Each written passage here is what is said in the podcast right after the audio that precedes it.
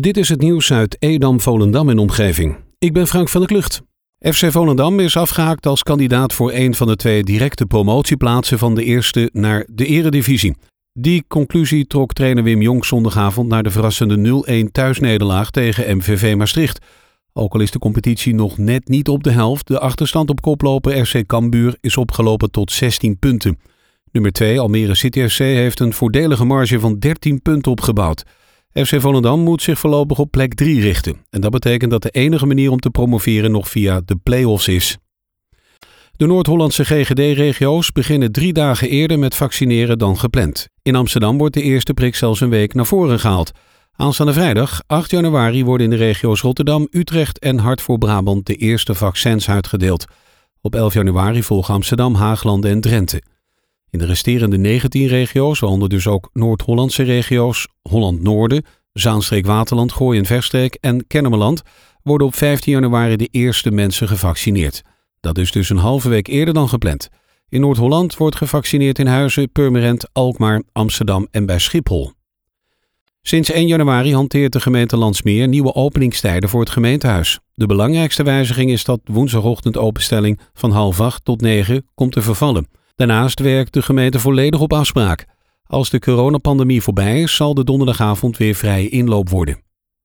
Het gemeentebestuur van Purmerend heeft de Gouden Waarderingsspeld, ook wel bekend als de Gouden Purmerender, toegekend aan stichting Inloophuis Wij Allemaal. De stichting staat open voor iedereen die direct of indirect te maken heeft met kanker. Het doel van de stichting Wij Allemaal is om kracht en weerbaarheid te vergroten en de controle over het leven weer terug te krijgen op welke vorm of niveau dan ook.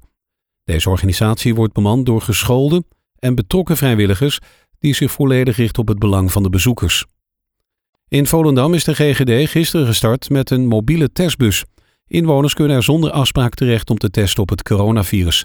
De bus staat van 4 tot en met 10 januari en na 18 januari op de parkeerplaats van de toeristenbussen op de Parallelweg in Volendam elke dag tussen half negen en kwart over drie. Door een testbus in de wijk zelf te plaatsen hoopt de GGD dat meer mensen zich laten testen en dat besmettingen vroeg opgespoord worden. Men moet wel een legitimatiebewijs meebrengen. Opvangcentra voor wilde dieren in Noord-Holland kunnen subsidie aanvragen om hun communicatie te verbeteren. Hierdoor kunnen zij straks betere voorlichting verzorgen en meer bekendheid geven aan het werk dat ze doen. In totaal is 100.000 euro beschikbaar. De opvangcentra kunnen vanaf 14 januari een subsidie aanvragen. De subsidieverstrekking heeft een ondergrens van 1500 euro. Het geld kan besteed worden aan onder andere het ontwikkelen van les- en spreekbeurtpakketten, informatiefolders, deelname aan beurzen of markten en voorlichting aan diverse organisaties. Het college heeft wethouder Erik Heinrich opdracht gegeven voor het ondertekenen van het tijdelijk contract voor het pontje Ilpendam. Het contract geldt van 4 januari tot en met 1 juli. In de tussentijd zullen de gemeente Landsmeer en Waterland in samenwerking met Rijkswaterstaat, de provincie Noord-Holland en de vervoerregio zoeken naar een definitieve oplossing voor de pont over het Noord-Hollandse kanaal. De dijk in Uidam, die al sinds 2006 aan vervanging toe is, gaat binnenkort op de schop, maar niet zoals de bewoners dat willen. Zij vrezen dat dit unieke stukje dijk verperst wordt door een stenen muur. De bewoners willen dat de dijk verstevigd wordt met een kleilaag waar plant op, waar plant op kunnen groeien. Daarmee staan ze lijnrecht tegenover het Hoogheemraadschap Hollands Noorderkwartier. Zij willen een stenen versterking bouwen. Het Hoogheemraadschap heeft een wettelijke eis waar ze aan moeten voldoen wat betreft de veiligheid. En zo'n constructie zonder steenbedekking, maar wel met grasbedekking, is niet veilig genoeg. De provincie Noord-Holland stelt dit jaar ruim 1,3 miljoen euro beschikbaar voor verkeerseducatie. De provincie verwacht dat met voorlichting over verkeersveiligheid aan jongeren de veiligheid in het verkeer verbetert. Organisaties kunnen vanaf 1 januari tot en met 18 februari subsidie aanvragen bij de provincie.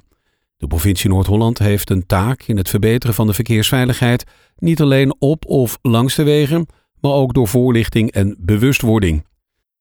Tot zover het nieuws uit Edam, Volendam en omgeving.